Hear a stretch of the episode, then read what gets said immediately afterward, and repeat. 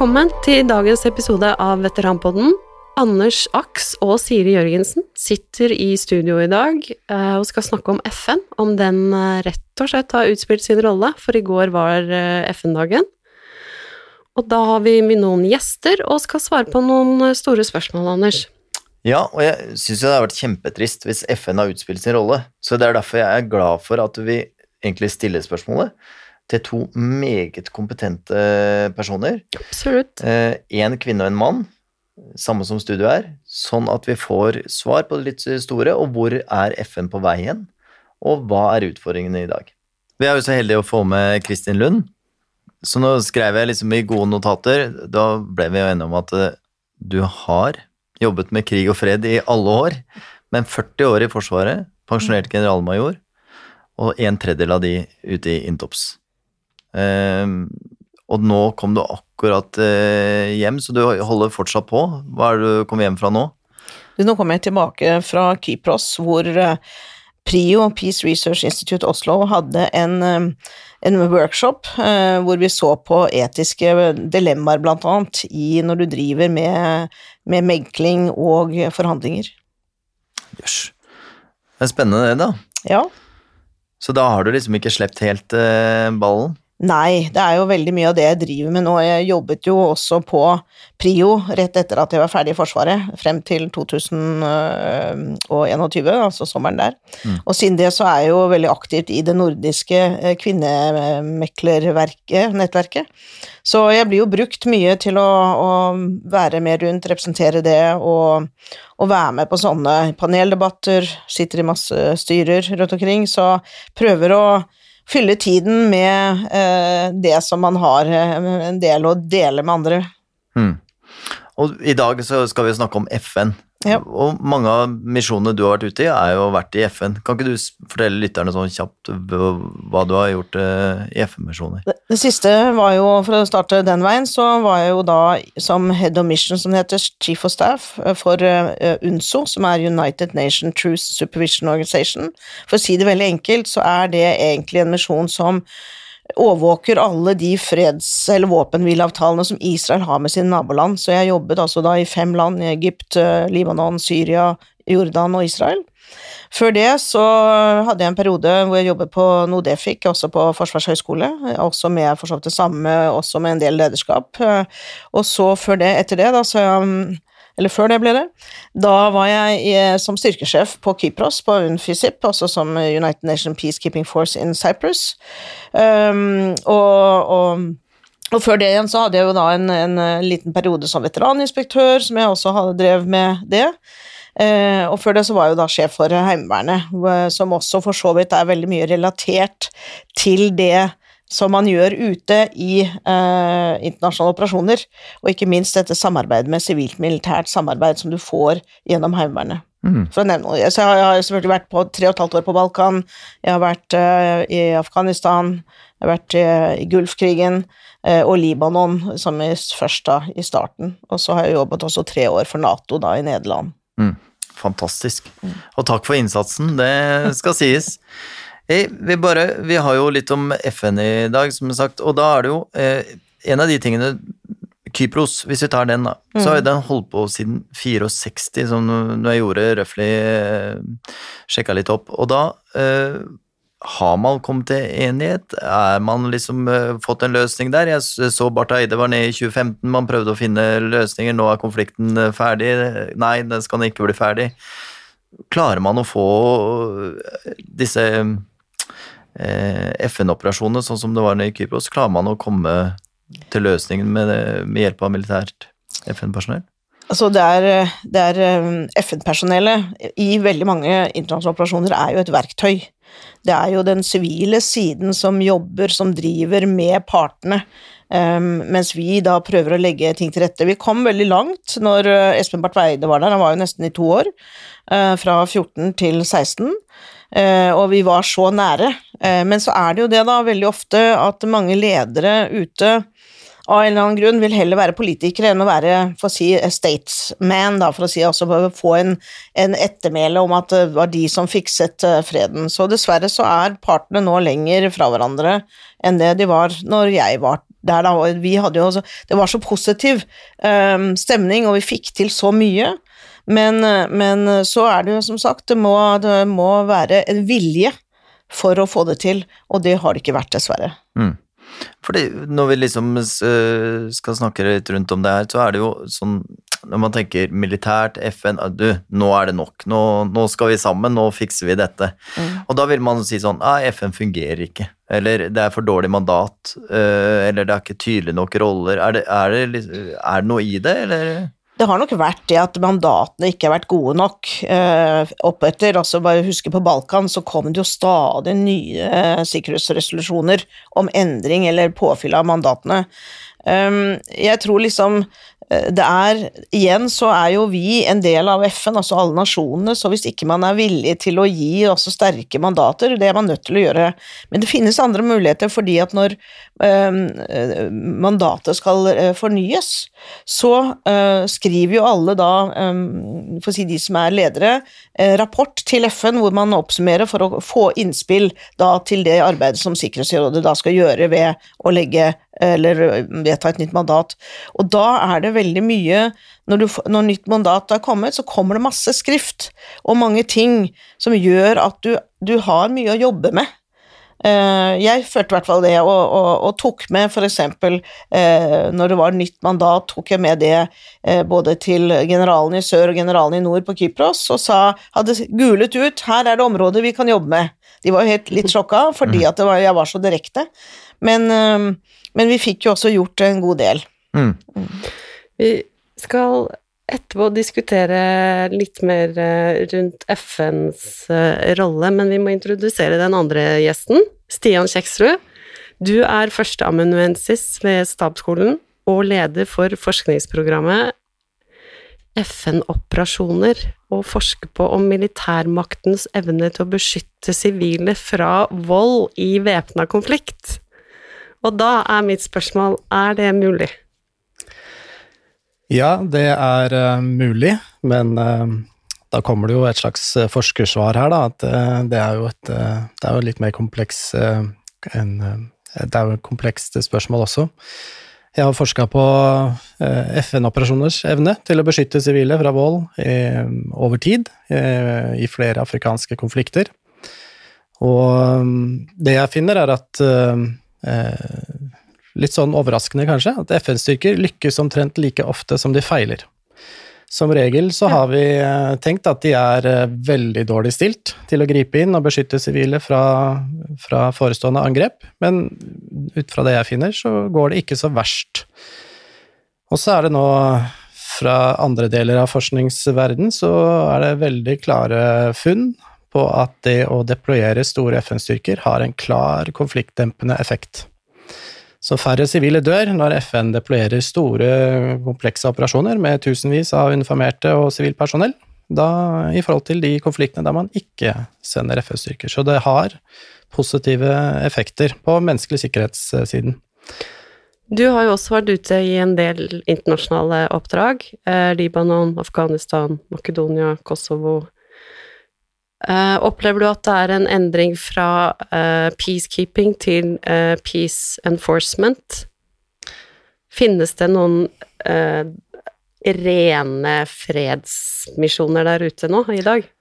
Du kan si at alt FN gjør under disse sikkerhetsrådsmandatene, som Kristin var inne på, er jo fredsbevaring. Mm. og så har det vært flere eksempler opp igjennom de siste ti årene, der FN på en måte delegerer ansvaret til regionale organisasjoner, type Nato, som da får et uh, annet type mandat til å gjerne gjøre mer enforcement, altså påtvinge uh, et land eller et styre, et regime, en eller annen løsning, da. Men da er det ikke FN selv som står for implementeringen, da er det ikke de som styrer operasjonen. Så peace enforcement er ikke noe FN eller blå hjelmer gjør, eh, enkelt og greit. Det er det noen andre må gjøre på vegne av Sikkerhetsrådet. Men det er jo Sikkerhetsrådet som har overordna ansvaret for internasjonal fred og sikkerhet, så de har det innenfor FNs mandat, FN-charteret, å kunne også iverksette peace enforcement-operasjoner. Mm.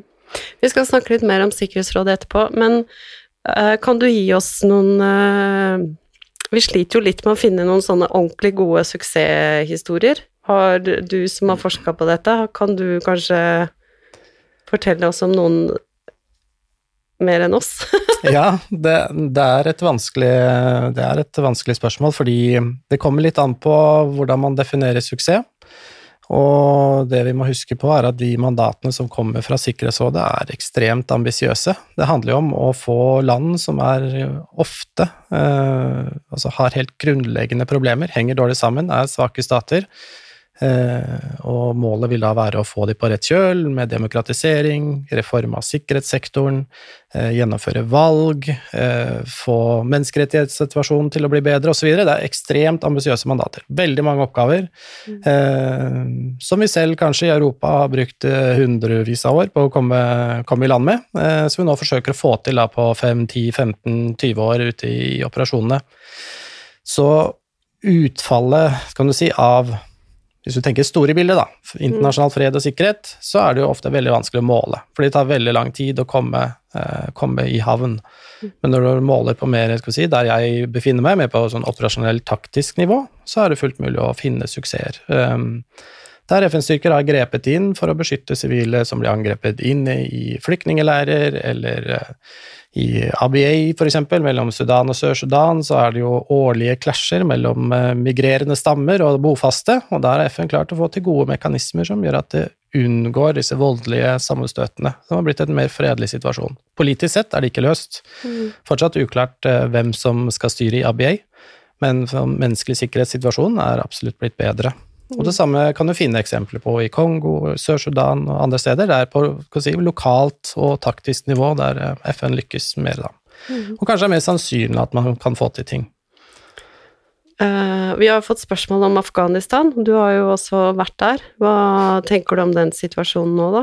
Er det, det store spørsmålet er jo om uh, norske veteraner føler at de har kasta bort uh, tid av sine misjoner på det oppdraget.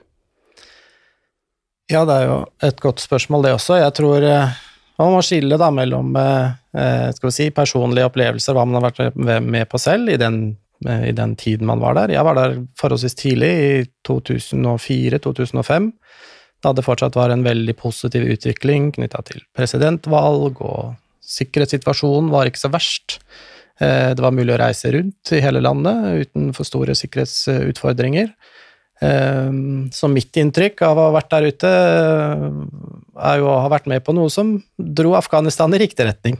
Mm. Men hvis du hadde vært deployert da fra 2007, 2008 og helt nå fram til uh, exit uh, Afghanistan, mm. så vil nok kanskje sitte igjen med litt andre inntrykk, da. Der mm. sikkerhetssituasjonen har stadig vekk blitt forverra, det har vært vanskeligere å bevege seg rundt, og force protection, altså styrkebeskyttelse, har blitt helt essensielt. Og veldig lite annet eh, Kanskje veldig lite inngrep da med sivilbefolkningen, da. Og nå er vi jo der ikke lenger, så da er eh, på en måte Den historien er over for nå. Mm. Hva tenker du, Kristin? Altså, jeg var jo der også tidlig, i 2003-2004, men jeg tenker at eh, de 20 årene har vi faktisk gitt Afghanistan et vindu hvor de har sett hvordan det, er, hvordan det kan være i et samfunn hvor for si alle borgerne har, uh, blir satt pris på, og i grunnen har satt i gang uh, mye for menneskene, tenker jeg da. Og det har, for meg så syns jeg absolutt det har vært verdt det, og at, at, de norske veteraner skal være stolte av hva vi egentlig har, har, har gjort med å gitt dem det, så de kan se litt grann hva de kan se fremover, så får vi bare håpe at man kommer videre fra det regimet som er nå. Jeg sitter igjen med også et spørsmål som er Vi ser jo Vi hadde Afghanistan, og så hadde vi eh, en liten periode hvor det ikke var så mye FN-operasjoner. Det var litt i Sudan, det var litt eh, Midtøsten osv. Og, og da var jo en av de tingene som eh, jeg husker, var jo når vi var ute i 2005, så var det snakk om å dra til Darfur. Og så var ikke det helt innafor, så da gikk vi heller til Kosovo, følte man. Hva er liksom, Hvis du tar norske politikere, man, hvorfor drar man til Mali nå? Eh, og hvorfor er man der? Er det bedre mandater? Er det mer det er nok et bedre mandat i Mali nå, og så er det eh, en artikkel syv, altså at man har rett til å bruke si makt for å eh, gjennomføre mandatet. Eh, men eh, når vi var i Darfur, så ble jo ikke Norge godkjent av partene. Så derfor måtte, vi ikke til Darfur, for det er jo fortsatt sånn, selv om det er en artikkel 7-operasjon, så må likevel de involverte partene godkjenne de landene som kommer. Så det var jo kanskje Det tror jeg ikke Norge helt skjønte hvorfor ikke vi var, for jeg var jo med på hele den oppbyggende fasen, for da var jeg jo på, på, på Rena. Så um, Men jeg tror liksom eh, Man vet Altså, i FN er det jo Altså, man må ha robuste mandater. Utfordringen er jo det at du har disse fem permanente, som ofte har en interesse da, mm. i, uh, i hvordan mandatene blir. Uh, et sterkt mandat er jo ikke alltid uh, alle som vil ha, mm. og det er egentlig veldig synd. Um, og så er det sånn som i Mali, for eksempel, så, hvor du har kanskje største eh, dødsraten på eh, FN-soldater, så er jo ofte fordi at de store bidragsytende landene eh, ikke har eh, den rette trening, eller nok trening og utstyr til eh, når de kommer. Mm. Da er vi egentlig rett inn i kanskje litt av noe kjernen i Sikkerhetsrådet. Vetoretten, er FN bare en politisk organisasjon? Hva skjer med Ukraina? Har vi noe Alle disse gode, store spørsmålene, Stian. Har du lyst til å se i framtidens eh, kule og tenke litt rundt det? Ja, det er jo Det lå jo veldig mange store spørsmål inni der. Eh, det er klart, hvis vi skal se på fremtiden til FNs fredsoperasjoner, så syns jeg nå vel for første gang på veldig lenge at det er litt vanskelig å si hvor det går. Mm. Og det går jo først og fremst på samspill i Sikkerhetsrådet. Um, men foreløpig uh, så har det vært mulig å, å, få gjort ting som ikke har med Ukraina å gjøre i Sikkerhetsrådet, altså det å forlenge mandater, f.eks. Uh, også, også um, tema knytta til Afghanistan og Syria. Eh, så det er mulig å samarbeide, ser det ut til, på et visst nivå i Sikkerhetsrådet, så lenge det ikke handler om disse si, mest politiske sakene. Men man må huske på at det er, en, det er helt selvfølgelig en eh, veldig politisk organisasjon. Det er jo verdens største stater som eh, leder og har vetorett, så, så det er bare en refleksjon av hvordan verden ser ut, hvordan den er satt sammen. Mm. Uh, mens lenger ned i organisasjonen så møter du jo selvfølgelig mye større grad eh, skal vi si, altruistiske eh, troen på fred og, og, og åpenhet og demokratisering og menneskerettigheter osv., men på sikkerhetsrådsnivå så er det fortsatt geopolitikk og, og stormaktspolitikken som, som dominerer. Mm. Um, og det er jo stort sett bare USA, Storbritannia og Frankrike som har holdt i pennen, som det heter, og skrevet disse mandatene de siste 20-25 årene, mens eh, Russland og Kina har på en måte akseptert, da, akseptert uh, å holde fredsoperasjoner i gang. Så hvis vi skal spekulere litt, så tenker jeg at behovet, altså markedet som kan snakke sånn, om, eh, for fredsoperasjoner, blir jo ikke borte med en gang. Selv om Ukraina fortsetter. Så det vil være behov for operasjoner der ute. Men eh, jeg mistenker at det i større grad vil bli politisert. Mm.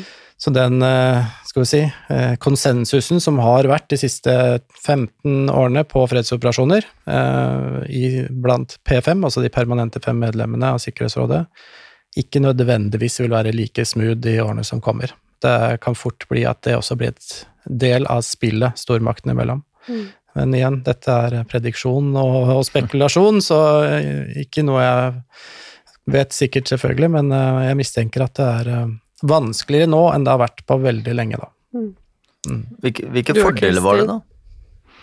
Ja, Kristin? Jeg bare tenkte på litt på den som jeg driver mer nå med, som går på mekling og forhandlinger og sånn, så ser man jo en tendens nå at det er mindre involvering av FN.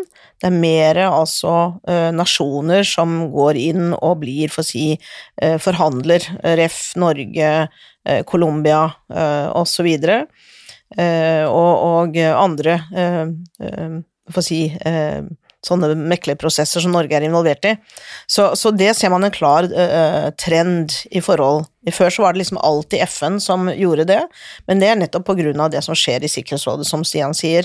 Eh, og, og, så ser man nå allikevel da at man prøver å gå veien rundt med å, å få en, en, resolusjon fra generalforsamlingen som ikke har den, for å si, bindende, men allikevel så sier de jo allikevel da for eksempel mot Ukraina at 143 land er imot eh, den krigen.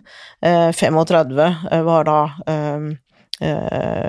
ikke For eller blanke? Ja, jeg var blanke. Altså, da kan de være enten for eller mot, og så var det bare fem som var for. Så det sier jo egentlig ganske mye allikevel, som er signaler. Så man har jo noen Og så ser man også nå veldig ofte at man begynner med mer sånne lokale forhandlinger som skjer på lokalt nivå, for å prøve å få til eh, noen løsninger lokalt først, og så kan det bre seg oppover. Så det er, det er mye som endrer seg nå, eh, nettopp eh, som et resultat av at ikke, for å si, Sikkerhetsrådet eh, er så operativt, vil jeg si, da, som det bør, eller kunne være. Mm. Stian?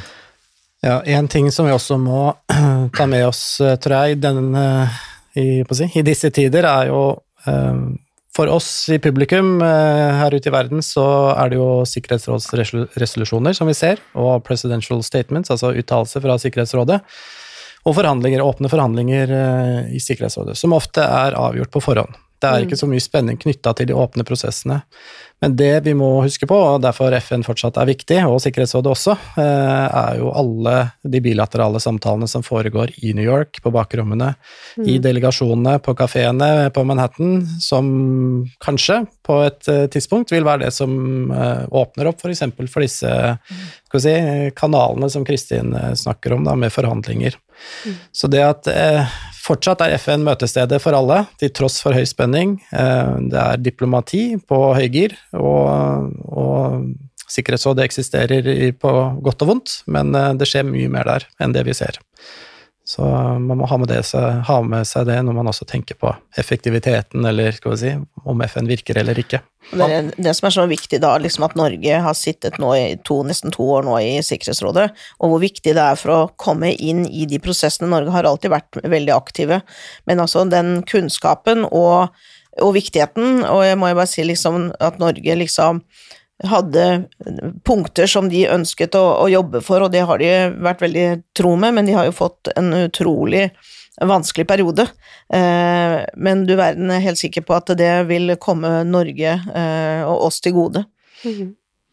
Og det er jo sånn at Sikkerhetsrådet, som dere sier, da, det er bra eller dårlig. Det, det blir vanskelig å si i sånn store maktspill, men, men, det er jo Støre var jo ute i dag og sa noe om at det er så viktig at vi fortsatt har en viss dialog, så ikke man, russerne isolerer seg. Er, så en av de tingene er jo er liksom Sikkerhetsrådet feil innrettet sånn som det er i dag, eller er det, er det på tide å liksom ta en ny runde på hvordan det ser ut? Det har eh, vært et lite blaff igjen nå med ny snakk om reform av Sikkerhetsrådet.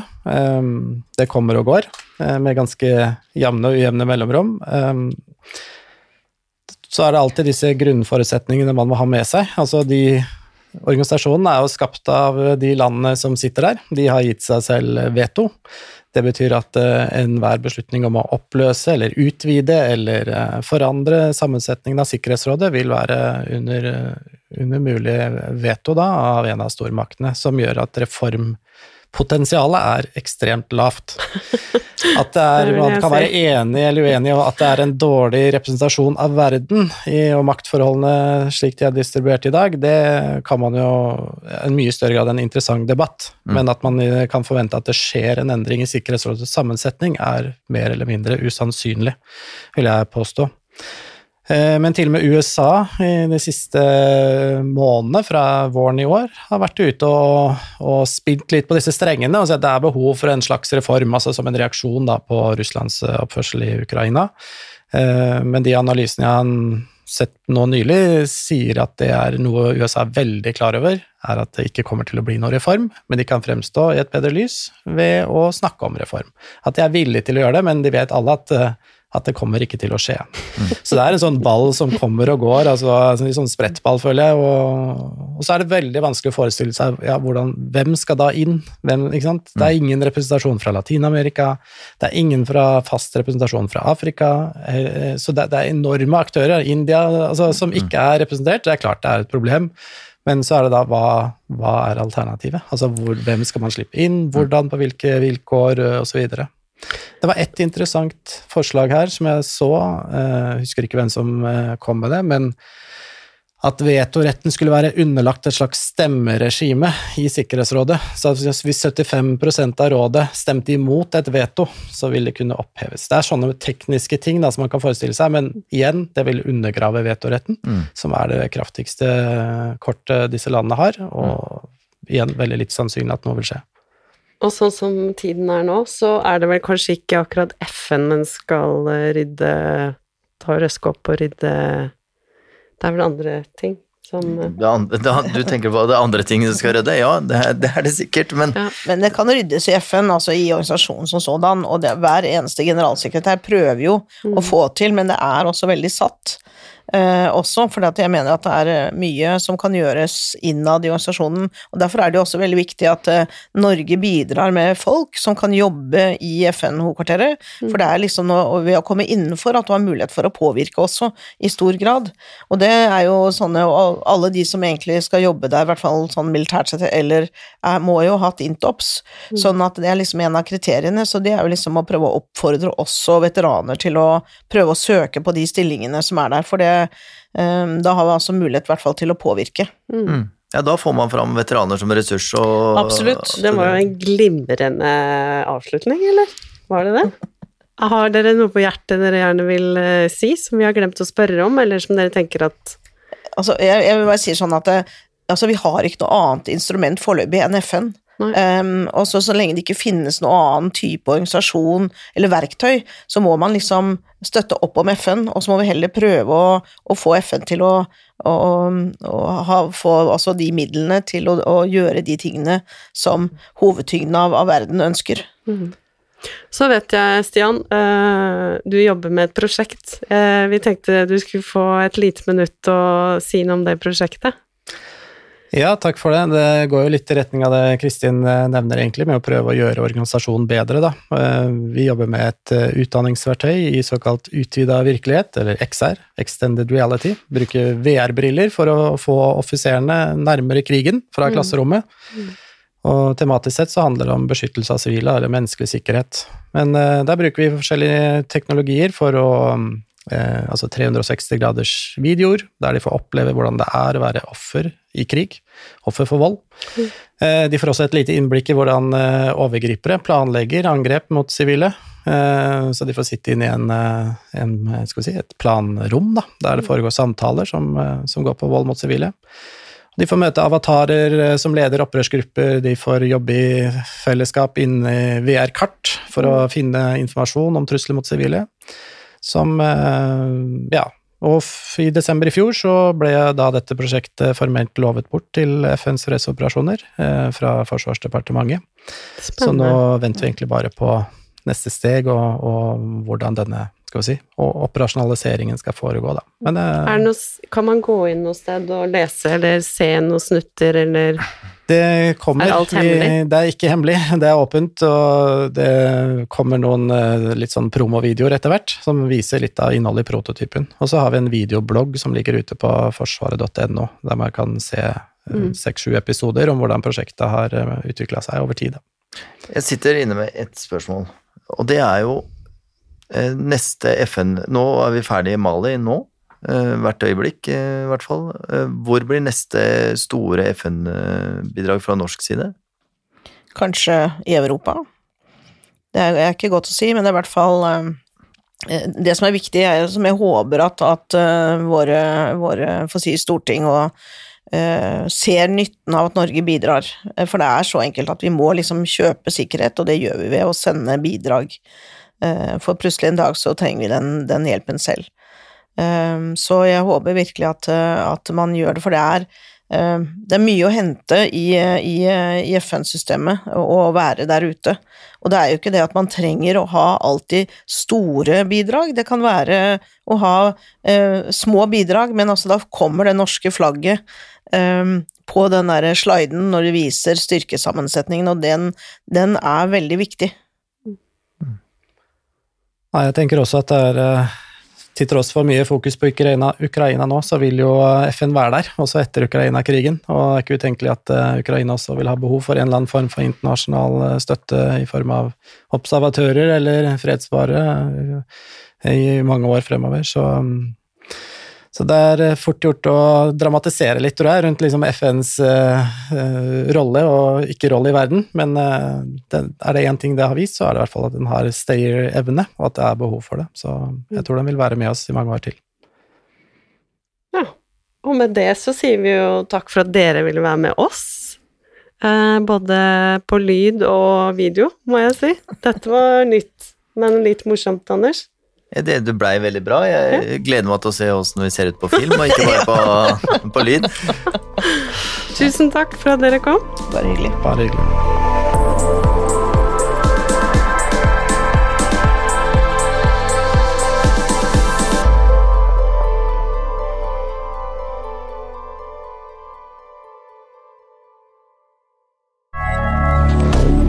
Moderne media.